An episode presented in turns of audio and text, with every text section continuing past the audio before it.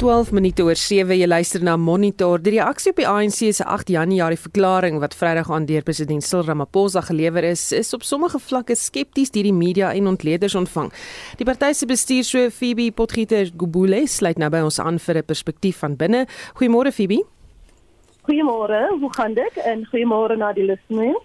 Dit gaan baie goed met ons, maar sê vir ons eers, wie was Charlotte Matreke aan wie die ANC die jaar opdra?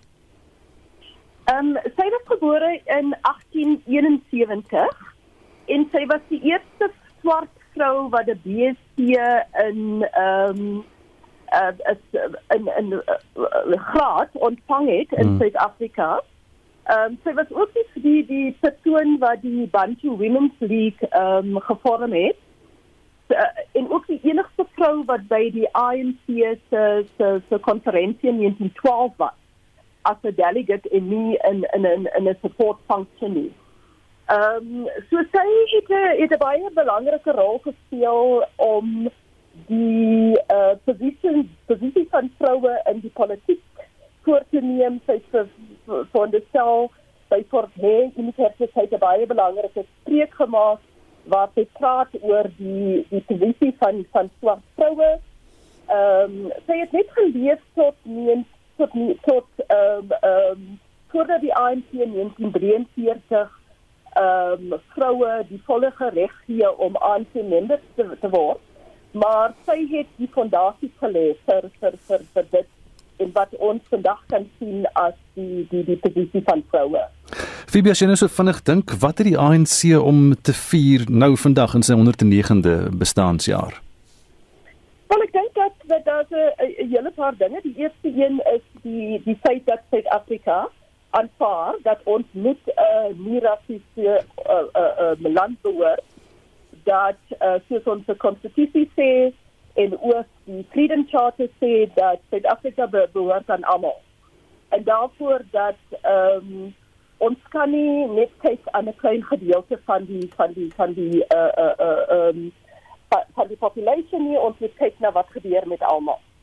Uh, die tweede is die die die commitment tot 'n 'n 'n 'n 'n land waar ons ehm um, seker maak dat daar 'n beter lewe vir almal. Nou 27 jaar na ons demokrasie, het ons nog vol nog we've got a long way to go. Um, but I think that, that that the foundations for that have been laid in the form of the Constitution. So the Constitution protects not just human rights, but it also protects socio-economic rights. Um, and I think that that's part of the part of the achievement, not just of the ANC, but I think that of all progressive forces um, in the country. So we've got 27 years of democracy, and there's there's a lot of, of, of difficulties that we face, and I think that the the COVID pandemic has laid fault um, our fault lines in our society. For example, the problem van van armoede, die probleem van van van inequality, die probleem van van um, werkloosheid. Ehm um, so so part deel van die die fokus van 2021 because that's what the the January 8th, 8th statement does. It sets out these are three priorities for the year. The first one is to defeat the COVID pandemic. Um, the second one is to look at the question about laying the foundation for economic and social recovery. And then the third one is the renewal of the of the ANC. So I think that there is a foundation. We're aware of the of the serious challenges that we face, both external as well as internal, um, and therefore the focus on those three priorities for 2021. Soos jy nou genoem het, is een van die take wat die ANC homself opgelê het, dit is die herstel van die ekonomie. Wat is die plan hiervoor? Die die ehm um, die regering ehm um, in die in die uh, persoon van die president het verlede jaar die economic recovery plan uh uh, uh voor, voorgestel. Um and the economic recovery plan looks at um how do you stimulate the economy through an infrastructure led uh, recovery. So uh, om saam te werk met die uh um uh, die publieke saam te werk met met besigheid um in how can we stimulate investment in um in infrastructure um and that's across a range of different areas it's, it's with regards to renewables it's with regards to to roads with regards to public infrastructure, housing, etc., etc. And remember, this takes place within the context of fiscal constraints. So, so yes, we need to look at how do we account for every single penny that we spend, etc. The second one is um, to look at, at how do we um, focus on what, what the president referred to as localization. To be able to ensure that you help local business, uh, whether it is in the pharmaceutical sector, whether it is in mineral beneficiation, whether it is in food production, to be able to ensure that, that we more and more produce of our, stimulate the local economy and produce more of our things. I was just listening the other day to a young man um, talking about entrepreneurship, and one of the things that he says is that South Africa doesn't even produce its own toothpicks. We import that. Now, how difficult is it to produce uh, toothpicks? So, so, so that's the second part of the economic recovery plan.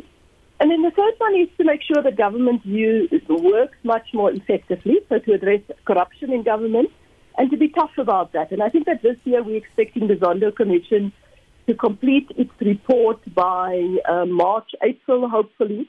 And hopefully that we will be able to seek action against those that's responsible for, for, for, um, for, for looting of the state or for wrongdoing in the state, but also in the private sector, uh, colluding with, with public servants. So the economic recovery plan is, is, is, is widespread. I think that, that we mustn't expect miracles because the world is in a, in a difficult situation with the second wave of, of, of COVID-19. But I do think that as a country, we need to focus on how do we get our economy back on track once we've, we've, we've been able to, to defeat the COVID pandemic. Jy praat net so van uh, korrupsie en staatskaping in die Sonderkommissie en so en ons moet jou vra volgende hoekom is Ysmagashule nog steeds in sy pos as sekretaris-generaal? Well, one of the things that Judge Zondo has also said is that you need to follow due process. Um, we are a constitutional state, we have the rule of law, and therefore there has to be processes. And similarly in the ANC, there are processes to do that. We've got a conference resolution that say that if you are accused of wrongdoing or you have been um, charge that you should then present yourself by to the integrity committee, and the integrity committee will then uh, make a determination or recommendation to the NEC. We have a decision, and at our NEC meeting this coming, um, I think it's about in about two weeks' time, the official will present the set aside guidelines. Um, and then that will govern everybody that's affected by this kind of, of situation as our conference resolution envisaged. So, so, so there are there are steps to follow, um, and that's the case for everybody in the organisation.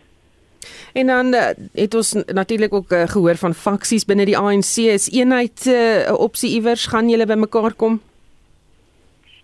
Ehm um, faksies in terme van die die separate Ja, het, wat faksies binne in die party, iemand wat byvoorbeeld nog vir die Zuma uh party sou sou uh, ondersteun en iemand vir Cyril Ramaphosa of iemand vir Ysmagashule. Wel, wel wat ek wat wat die konferensie uh um resolution sê is dat ons moet um ook um reëlings tref of of rules maak for the um for for the use of money within the organization for factionalism against factionalism um, as well as vote buying. So all of those regulations are being looked at, and the NEC will receive the, will receive a report and then adopt regulations around that. Um, because I think that, that part of the issue is that um, that the, the National Conference looked at our constitution and our code of conduct at the moment, but it envisaged that there are not um, sufficient strengthened rules that prevent those kind of, of issues. So, of course, sanctions will be part of the arsenal that you have in your in your uh, possession to be able to then look at how do you prevent this from, from, from doing.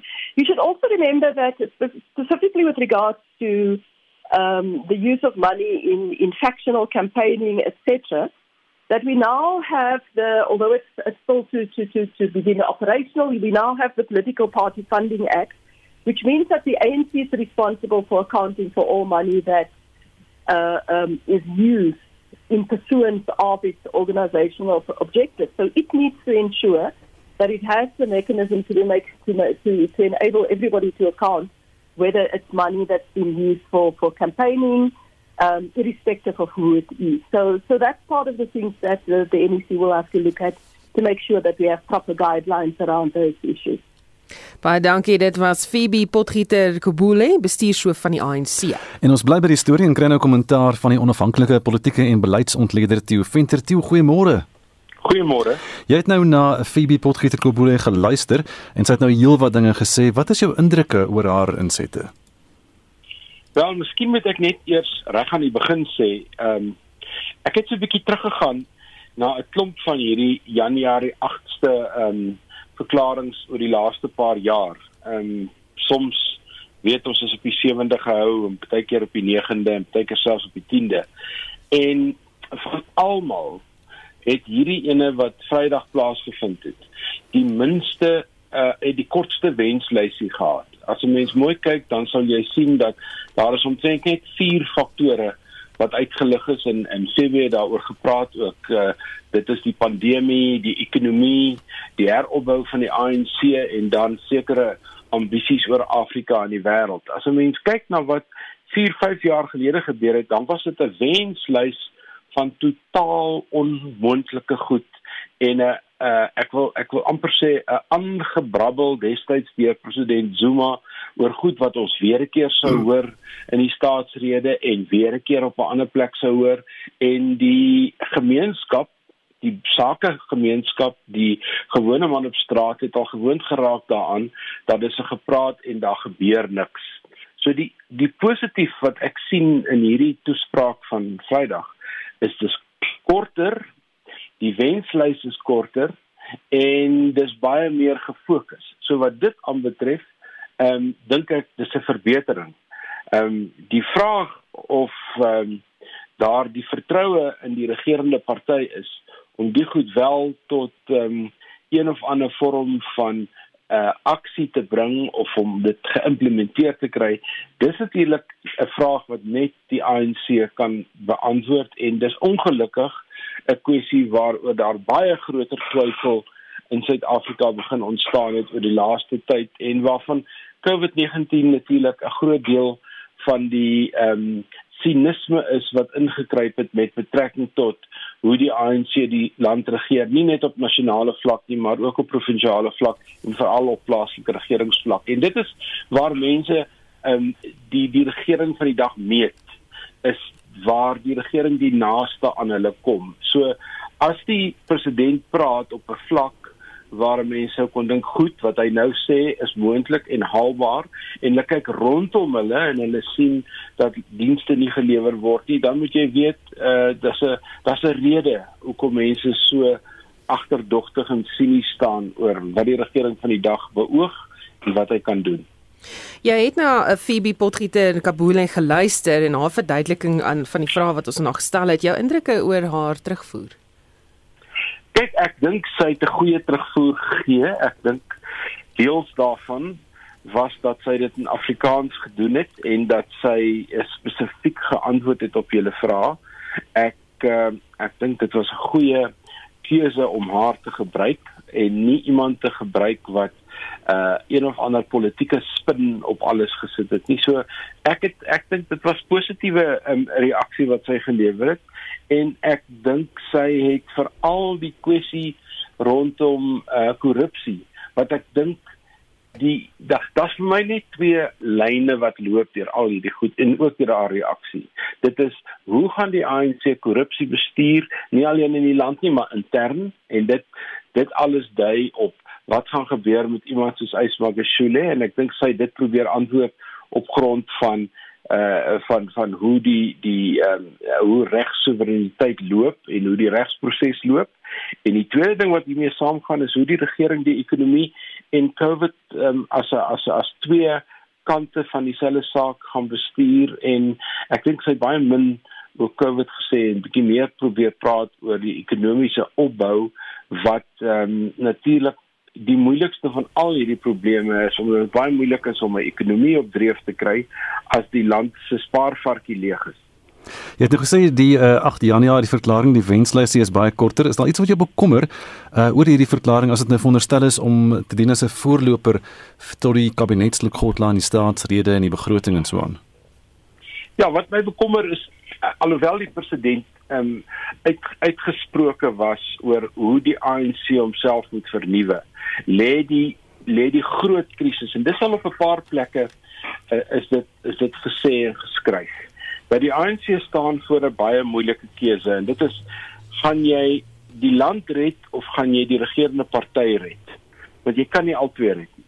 Die een um, moet voor die ander gebeur of die een moet ten koste van die ander gebeur. En dis die groot uitdaging waarvoor die ANC op die oomblik staan. En dit is dat hy's vasgevang in sy interne ehm um, faksies. Hy is vasgevang in sy interne probleme en dit ehm um, bring mee dat hy absolute verlamming beleef om sekere ehm um, beleide tot uitvoer te bring. En en dit is nie iets wat ons esoteries bo op nasionale regeringsvlak sien nie. Ons sien dit gebeur op provinsiale vlak. Die Vrystaat op die oomblik is 'n goeie voorbeeld. Noordwes is 'n goeie voorbeeld. Ehm um, en en dan as jy laer afgaan op plaaslike regeringsvlak, daar's elke dag in die koerante 'n ander storie oor hoe plaaslike regering sukkel om om kop bo water te hou en sekere besluite te neem en nie te neem nie. Dit is vir my die grootste bekommernis en die die die hierdie toespraak was eintlik gemik op die ANC as politieke party. Maar ons weet nou dat hierdie toesprake gewoonlik oorspoel in hierdie in hierdie volgende platforms en en strukture waarvan jy praat soos die Legotla en die staatsrede en alles wat daarmee saamgaan. En vir my is die groot vraag het Ramaphosa genoegsaam hou vas op die party as sodanig om die veranderinge in die party aan te bring. Hy het eers in sy toespraak gepraat van net gekwalifiseerde kaders sal vir sekere poste kwalifiseer. Hmm. Wel, dis nou 'n maklike ding om te sê, maar gaan laer af op die grond en kyk of dit werklik gebeur. Ek weet nie of dit werklik gebeur nie. Ehm um, so daar's vir my groot vrae oor die party as sodanig en of die nasionale uitvoerende komitee wat eintlik die ANC kongres in absentia is of hulle wel ehm um, op hierdie oomblik die fokus het wat hulle moet hê en ons moet nou onthou dis nie genoem in die toespraak nie maar verlede jaar is die nasionale algemene raadsvergadering wat die beleide moet evalueer uitgestel as gevolg van Covid. Nou sien ons ons gaan 'n tweede en 'n derde golf van hierdie um, virus in Suid-Afrika kry en ek het so half 'n gevoel dat hierdie vergadering weer uitgestel gaan word. Dit het net voordele vir die president, dit het nie nadele nie want dit beteken hy kan op ander maniere hierdie veranderinge binne die party aanbring. Maar dit gaan groot waagmoed verg en ek weet nie of ons president oor die politieke waagmoed beskik om die politieke besluite te neem wat hy moet neem binne die ANC nie. Ramaphosa het in sy laaste COVID-toespraak aan die nasie vir sommige mense byna bewoe voorgekom. Hoe het hy as 'n ANC-leier voorgekom Vrydag aand? Ek dink hy het sterk voorgekom. Dit was 'n swak opname met baie swak klank.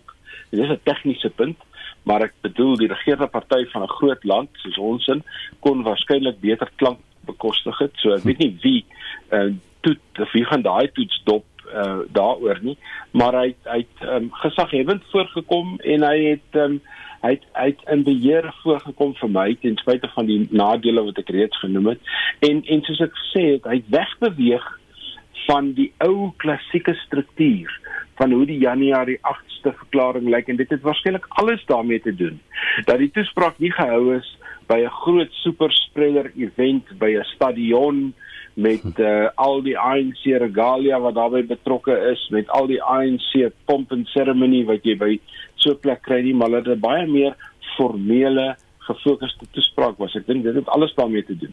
Ons het gehoor dat Thabo Mbeki het ook insette gelewer wat nie uh, bekend is om kort te wees nie. Ja ja ja hy het insette gelewer en hy het gesê die toespraak was te lank Hmm. Um, en dit is vir my vreemd dat hy vir omtrent 10 jaar nie 'n woord sê oor die ANC nie, maar die laaste jaar of 2 uh al hoe meer uh, teenwoordigheid begin handhaaf. Dit is vir my goed want ek dink hy is 'n gerespekteerde en 'n gerekende leier in die ANC en ek luister eerder na sy insette as wat ek luister na die insette van Jacob Zuma. Die president se woordvoerder Kusela Diko bly op spesiale verlof terwyl nog 'n interne ondersoek na haar voortgaan. Dink jy daar sal sterk opgetree word teen haar en aggenome die sterk optrede teen korrupsie wat in die 8 Januarie verklaring genoem word?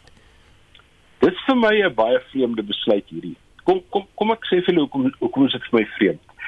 Uh die die berigte wat ek gelees het sê die spesiale ondersoekeenheid het bevind dat hulle kon niks direk teen haar kry met betrekking tot die uh, korrupsie rondom PPE's nie. Miskien teen haar man, maar nie teen haar nie.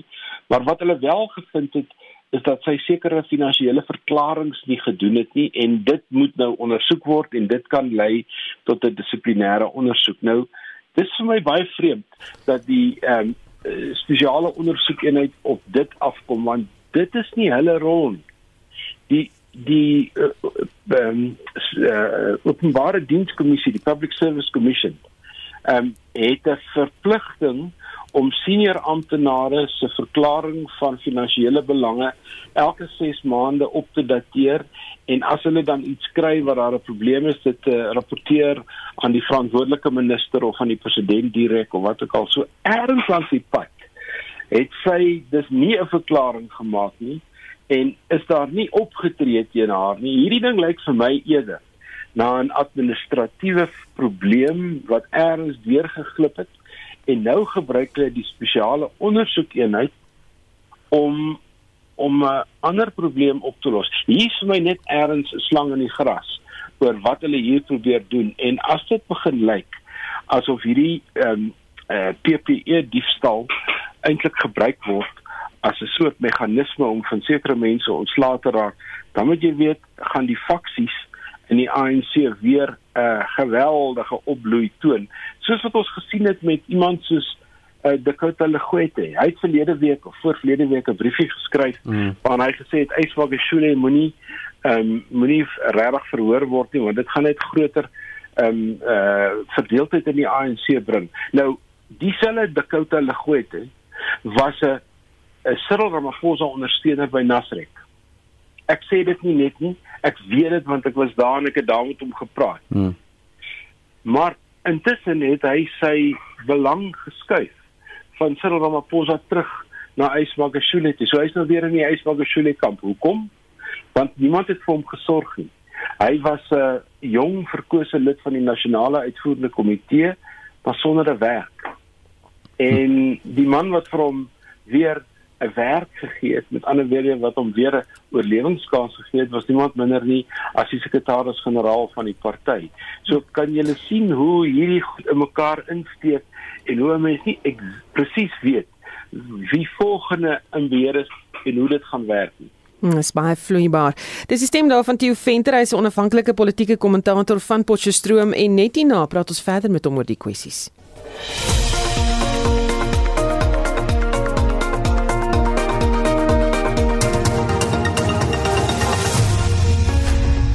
En ons praat nou verder oor die ANC se 8 Januarie verklaring met die politieke ontleder Theo Venter. Theo, een van die dinge wat genoem is wat die president oor gepraat het, was natuurlik die integriteitskommissie en hy het ook gesê in 'n stadium in 'n onderhoud, dis goed dat hulle hom ook vir stok gekry het. Die ANC se tesourier-generaal Paul Mashatile het ook in die Sondagkoerante gesê dat die integriteitskommissie meer personeel gaan kry. Wat sal hierdie kommissie nou kan bereik? Gaan hy tande kry?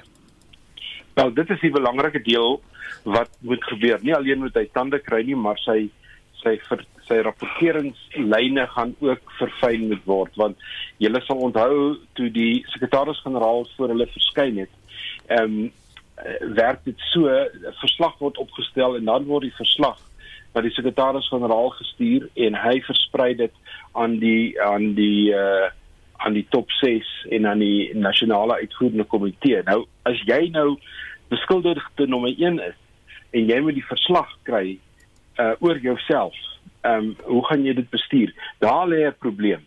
En die tweede ding is die integriteitskommissie se se werk. Ehm um, uh ehm um, moet verder ondersteun word in terme daarvan dat hulle aanbevelings kan maak met betrekking tot en in lyn met die ANC se grondwet.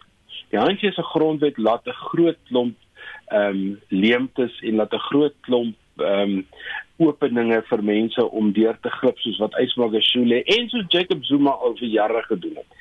En die ANC is nog altyd skrikkerig om sy beleid spesifiek toe te pas. Ek kan aan een of twee voorbeelde dink waar die ANC sy beleid toegepas het soos dit behoort toegepas te word. Een was Julius Malema toe hy uh, dissiplinêr ondersoek is want hy het die party gedruk verby 'n sekere punt en uh, 'n tweede een is meneer, meneer Lungise onlangs wat uh, die geval in in in die Oos-Kaap. Maar oor die algemeen skram die ANC daarvan weg om partybeleid en dissiplinêre prosesse regtig toe te pas. En as die integriteitskommissie eintlik 'n soort van 'n superdissiplinêre komitee word dan begin 'n mens praat van iets met tande maar op die oomblik uh, is dit 'n is dit 'n kommissie 'n staande uh, komitee of 'n kommissie wat aanbevelings maak en die aanbevelings kan uitgevoer word of nie. So daar is hierdie keuse en ek dink dit is waar die versterking moet kom en ek dink ook die navorsing uh, navorsingskapasiteit. Met ander woorde, hoe wat het regtig gebeur? Wat is die feite? Of spandeer hulle net tyd om koerantartikels te lees en dit dan te gebruik as 'n verwysing of 'n ANC lid die ANC in 'n slegte lig gestel het of nie? Ehm um, dit dink ek is die probleme van die kommissie in beginsel dink ek is 'n goeie ding, maar ek dink die integriteitskommissie moet 'n baie baie sterker verhouding met die ANC se dissiplinêre prosesse kry sodat hulle sekere sake direk van hulle tafel af ehm um, kan kan stuur vir 'n dissiplinêre ondersoek. Sal die begrippe eenheid en vernuwing ooit met die ANC versoenbaar wees? Nie regtig nie. Ehm um, want die struktuur van die ANC is so dat ehm um, dit 'n ingeboude verdeeldheid het. Die ANC is meer as 'n politieke party. Die ANC verteenwoordig belange uit verskillende ehm um, gemeenskappe. Dit verteenwoordig belange uit verskillende geografiese gedeeltes. Dit verteenwoordig belange uit verskillende etniese en rassiese samestellings tale kulture. So die die hele storie van 'n 'n broad church is 'n wonderlike ideaal en dit is 'n pragtige ding om na te streef maar om dit in praktyk te laat werk en om dit te laat manifesteer op die grond op 'n manier dat mense tevrede is met hoe dit tot uitvoering gebring word. Dit is waar die groot probleem lê. En die ANC se faksies daar's twee soorte faksies. En en daar's ook al hierna verwys. Jy kan jy kan ideologiese faksies hê. Met ander woorde een groep van die ANC is byvoorbeeld meer uh radikaal sosialisties en 'n ander groep is meer radikaal kapitalisties sê nou maar in hmm. Dan het jy twee faksies wat ideologies teenoor mekaar staan. Dit is byvoorbeeld wat in die Republikeinse party gebeur het toe die Tea Party gestig is teenoor die ou Republikeinse party. Daar was 'n ideologiese verskil oor hoe moet hulle na die ekonomie kyk. Maar in die ANC sit die faksies nie vas oor ideologie nie. Hulle sit vas oor wie het wat. Hulle sit vas vas oor wie kry wat. Wie watter voordele Ehm um, dit is 'n uh, dis 'n totaal ander soort faksionalisme. Dit gaan met ander woorde oor ongebreidelde mag. Die een groep sê ons het die mag, die ander groep sê ons wil die mag bekom want die groep wat die mag het kan die groep wat nie die mag het nie ondergrawe. En die vrees bestaan en dit is die terugvegpoging wat ons sien van die Ysmagashule groepering wat ons nou weet insluit Suprama en Mapelo, dit sluit Zuma en dit sluit die burgemeester mm. van Ekurhuleni. Daar's klop mense wat mens daarby kan invoeg. Hulle groot geveg is om staande te bly polities teenoor die Cyril Ramaphosa groep in sy uitgebreide vorm om hulle magte en hulle voorregte te behou en nie eers langs die pad polities in vergetelheid te raak nie want as dit gebeur dan is jy jou politieke mag kwyt. Dit net vinnig ons moet vinnig klaarmaak met die onderhoud maar net vinnig 'n Phoebe Potgieter Kobore het gesê dat sy het gepraat oor die verlede en die glorieryke verlede en die nierassigheid van die ANC. Is die ANC nog nierassig? Is dit nog 'n breë kerk? Ja, in teorie is dit. In praktyk lyk dit anders. As mens na die toesprake luister van die president, dink ek hy gee so nou en dan aandag aan die nierassigheid, maar ek dink dit kan met baie groter omsigtigheid gedoen word en ek dink dit kan met baie groter sensitiwiteit gedoen word en daardie um, sensitiwiteit het die ANC verloor. Baie dankie, dit was Theo Venter, 'n onafhanklike politieke kommentator van Potchefstroom. Hanet jy vir ons terugvoer? Ja, luisteraars se gevoel oor die ANC en ander partye na aanleiding van die ANC se verjaardag. Verklaring Pierre Groenewald wat sê al die politieke partye is kop in een mis met die ANC. Dis tyd vir nuwe partye. Sipho Mafoko sê so true. Nico Forster sê en Ramaphosa se werkskeping net vir swartes groei nou 'n ekonomie op so 'n ondemokratiese beginsel en dan Jack Waterboer absoluut niks van administrasie nepotisme en swak dienslewering as aan die orde van dag hierdie lot maak my net kwaad. Met Ferreira sê daar is nie 'n foutlose party nie maar minstens verduister die DA nie COVID noodfondse of dreig om 'n pensioen af te vat nie. Dit was Hein met die terugvoer daar. 16 minute voor 8 en tyd vir internasionale nuusgebeure nou vir die wêreldnuusgebeure sluit Estie de Klerk vanoggend by ons aan en ons begin in Engeland in Brittanje waar duisende meer mense die COVID-19-enstof binnekort sal kan ontvang omdat sewe massa sentrums reg oor Engeland heen oopgemaak het. Gustaf, die sentrums word deur algemene praktisyns en hospitaaldienste bestuur en die regering in Engeland wil 15 miljoen mense voor Februarie inent en dit sluit mense in wat 70 jaar en ouer is, sowel as gesondheidswerkers en diegene wat in afsondering moet wees. Engeland se minister van gesondheid, Matt Hancock, sal die regering se enstof uitrolplan later vandag by 'n media-konferensie bekend maak en hy het gesê die voorlegging is die land se uitkoms uit die pandemie. Hulle sal ook die eerste syfers bekend maak van hoeveel mense reeds ingeënt is, maar hy het gister gesê sowat 2 miljoen mense het reeds die enstof ontvang met sowat 200 000 inspen, uh, inspuitings wat daagliks in Engeland toegedien word. En nou verskuif ons die fokus dan na Indonesië waar die vlugdata-opnemers gevind is van 'n passasiersvliegtuig wat Saterdag 4 minute nadat dit in die land opgestyg het in die see neergestort het. Duikers van die vloot is vol vertroue dat hulle die twee vlugopnemers sal kan opspoor wanneer die soektog vandag hervat word en die vlugdata-opnemer en stemopnemer in die kajuit stoor data oor vliegtye. Dit kan belangrike inligting verskaf in ondersoeke na lugongelukke. Die BBC se Kalastasia Wijaya was op die toneel. Yesterday, the officials also said that they have located these black boxes and marked the area where the accident might have uh, happened. And now behind me is a turbine of one of the engines of the plane that was collected uh, by the team uh, yesterday. And there was also uh, a, another ship that will be uh, deployed today uh, to continue with the operation. As of now, we can we can update you that the search team has also collected what they believe to be uh, parts of a human body and they are now being uh, examined uh, by the police. Daar was 62 mense aan boord van die Boeing 737 toe dit van die radar op pad na Borneo verdwyn het en dit lyk nie of daar enige oorlewenis is nie. En nou na Japan met net minder as 200 dae oor tot die afskop van die Olimpiese spele is inperking in Tokio en die omliggende gebiede weer afgekondig. COVID-19 gevalle styg skerp in Japan en die eerste minister het gesê nuwe inperkingsmaatreëls sal ingestel word. Die BBC berig Japan beleef op die oomblik sy derde koronavirus vlaag. Saterdag was die derde agtereenvolgende dag wat meer as 7000 nuwe COVID-19 gevalle per dag aangemeld is. Oor die naweek is 4000 sterftes per dag aangemeld. 'n Nuwe opname deur 'n nuusagentskap toon aan dat daar nie groot ondersteuning is dat die Olimpiese spele wel moet plaasvind nie. So wat 80% van 1000 deelnemers het gestem dat dit gekanselleer moet word of weer uitgestel moet word. Hier is die direkteur van Asiatiese Studies aan die Temple Universiteit in Japan, Jeff Kingston. Bringing together tens of thousands of people from all over the world could transform uh, the Olympics into the super spreader event of super spreader events. I think a lot of people are cautious Japan se eerste minister glo egter Japan sal wel 'n veilige Olimpiese spele kan hou. Hy sê hy hoop die publiek se mening sal verander wanneer die land na verwagting met inentings in Februarie begin. En dit was dan Estie de Klerk met 'n oorsig oor vandag se wêreldnuusgebeure.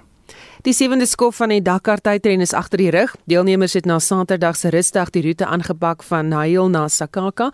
En vir jongste praat ons nou met die motorsportkenner en redakteur van die Roadtrip tydskrif Ferdi De Vos. Goeiemôre Ferdi. Goeiemôre Susan. Wat het gister gebeur? Susan, ja, nee, dit was 'n rowwe skof geweest. Ehm um, ek dink na die rusdag was dit 'n uh, uh, baie moeilik, maar dit is 'n maraton skof wat beteken dat die manne nie hulle hulle wel hulle met hulle eie voertuie uh, versien. Hulle het nie hulle dienspanne by hulle in die, in die bivak nie. So dit beteken uh, hulle moet dit uh, versigtig vat maar dit het gemaai onder die deelnemers en veral onder ons Suid-Afrikaners. Uh, Janiel de Villiers het 4 papiere gehad op die traject. Nou hulle dra net 3 saam met hulle. So dit het beteken dat hy moes wag vir 'n deelnemer om hom te help met 'n vierde ene en dit het hom baie baie tyd gekos. So hy is ver af. Ek dink hy begin vanoggend hier die 22ste plek en hy lê nou al geheel 15de, of liewer 8ste, jammer, jammer.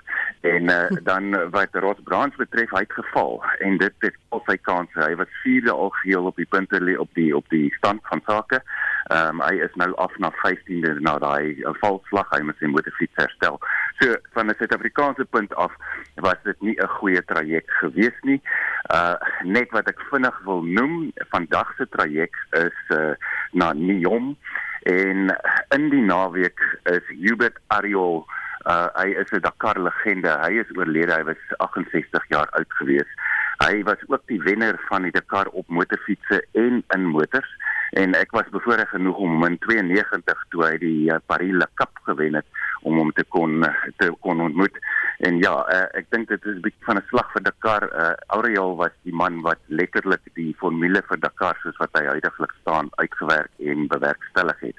Nou ja, dit is daardie nuus wat vandag gebeur. Uh Jose of liewer uh, Nacho Cornejo Frolimo is nog in die in die in die voorpunt van die uh, motorfietsse. Hy spring vandag eerste weg. Uh, Toby Price is net agter hom. Uh en uh, liewer dit is op die stand van sake algeheel. Ehm um, en wat die motors betref, daarso was dit Yazid al Arazi wat die eerste plek ingeneem het gister in 'n Toyota. Ehm um, interessant genoeg Dirk van Zitzewitz is sy navigator en die het natuurlik vir Geniel genavigeer voorheen en uh, vandag spring hy eerste weg en hy word gevolg deur uh, Pieter Hansel, Stefan Pieter Hansel wat nog algeheel die voorloper is en Carlos Sainz met Nasser Al-Attiyah wat 8 minute agter Pieter Hansel is algeheel wat in die vierde plek wegspring.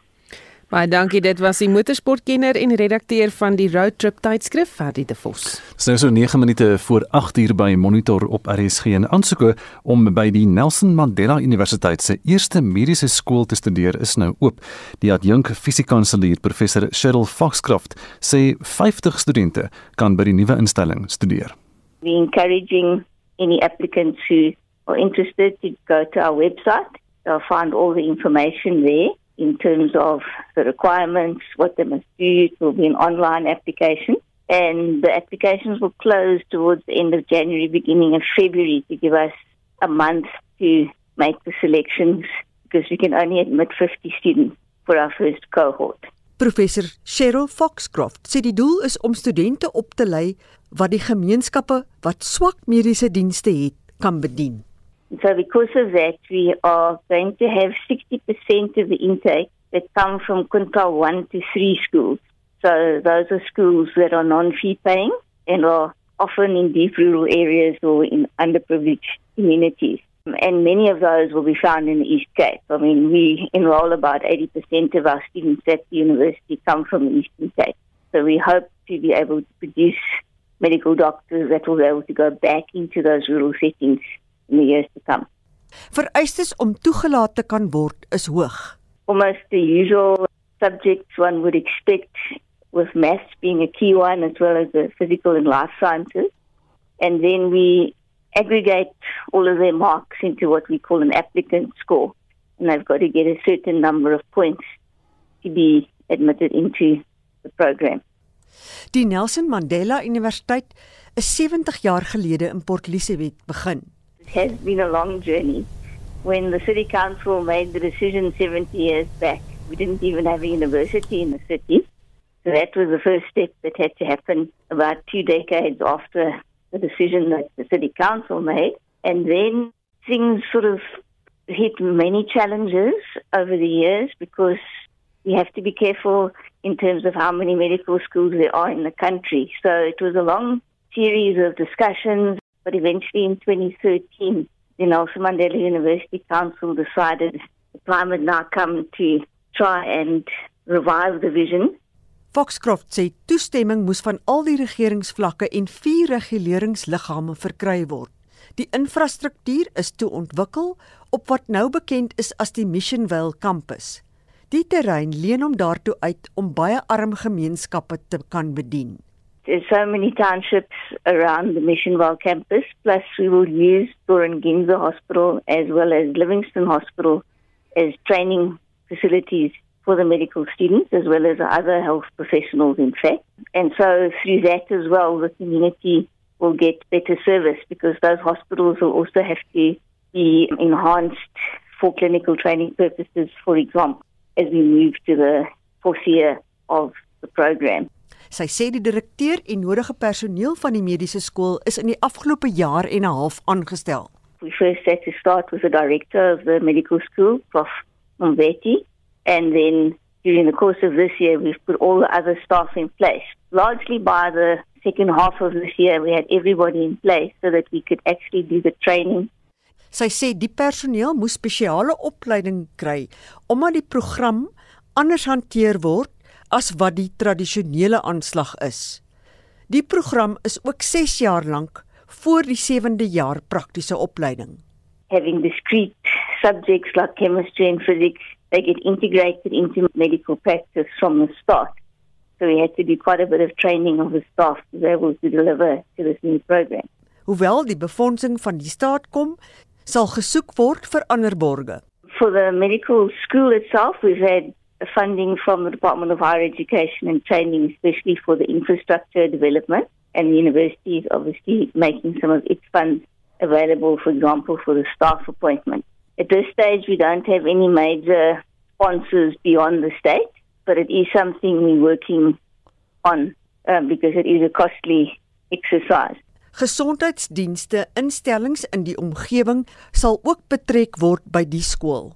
We've got, for example, emergency medical care.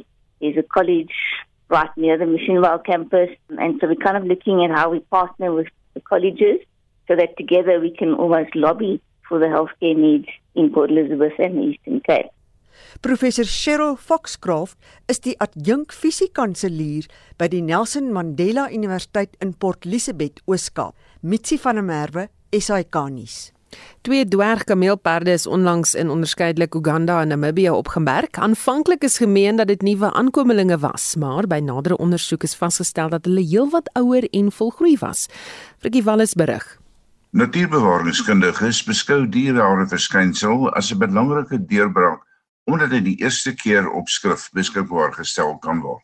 'n Amerikaanse natuurbewaringswetenskaplike, Dr. Michael Brown, van die internasionale kameelperd stigting sê die eerste kameelperd is waargeneem in 'n nasionale park in Uganda. During our surveys, when we encountered these unusual dwarf giraffe, we non invasively measured their limb dimensions using a technique known as digital photogrammetry, so we could take these measurements from a safe distance.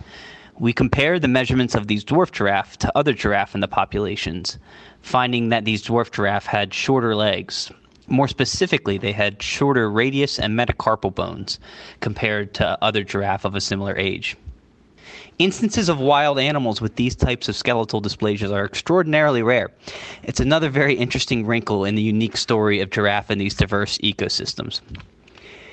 Now, it's unclear why these two cases have emerged. The giraffe population in Uganda, however, did experience a significant bottleneck in the late 1980s due to some civil unrest and associated bushmeat poaching. Although it's unlikely this particular giraffe, which we named Gimli in honor of Tolkien's Lord of the Ring character, is related to a decrease in genetic diversity. Die dwergkameelperd in Namibië is op 'n plaas opgemerk tydens roetine lugopnames wat deur die stigting gedoen is om onder meer kameelperd getalle te bepaal en die verspreiding van die diere in Afrika te monitor. The Namibian dwarf giraffe, which we've called Nigel, was born in 2014, and his unique body shape was first observed by my colleagues when he was about four years old, which is an age when male giraffe are close to maturity and fully grown. While a Namibian farmer had spotted Nigel regularly over the years, it was only after my colleague's observations that he realized that Nigel was not a juvenile but a fully grown male giraffe. It's mainly in comparison to the other giraffe that this difference in stature becomes fairly obvious. Brown sê kameelperdgetalle het die afgelope klompe jare in Afrika bly daal, nie net weens oorlogssituasies nie, maar ook as gevolg van wildstropery. Getalle in Namibië is volgens die stigting egter nou besig om na normaal terug te keer. Giraffe population monitoring efforts, like those conducted by GCF and our partners in Namibia, Uganda, and elsewhere, are providing critical information to inform conservation efforts and ensure a future for wild giraffe throughout Africa. By our best estimates, there are only 111,000 giraffe remaining in the wild, so it's imperative that we develop ambitious and creative conservation solutions rooted in quality science. Dr Michael Brown van die internasionale kameelperdbewaringsstigting. Intussen gaan dit goed met die dwergkameelperde Uganda se Jimly en Namibië se Nigel waarvoor die stigting 'n veilige toekoms in Afrika probeer verseker. Ek is Frikkie Wallis in Swakopmund. En op daardie noot kom ons aan die einde van vanoggend se monitor. Ons groet namens ons waarnemende uitvoerende regisseur Hendrik Martin. Die redakteur vanoggend was Justin Kinderly en ons produksieregisseur is Daitrin Godfrey. Bly ingeskakel hier by RSG want net hierna sit praat saam met Lenet Fransis Spuren. My naam is Gustaf Greiling. En my naam is Susan Paxton. Geniet jou oggend.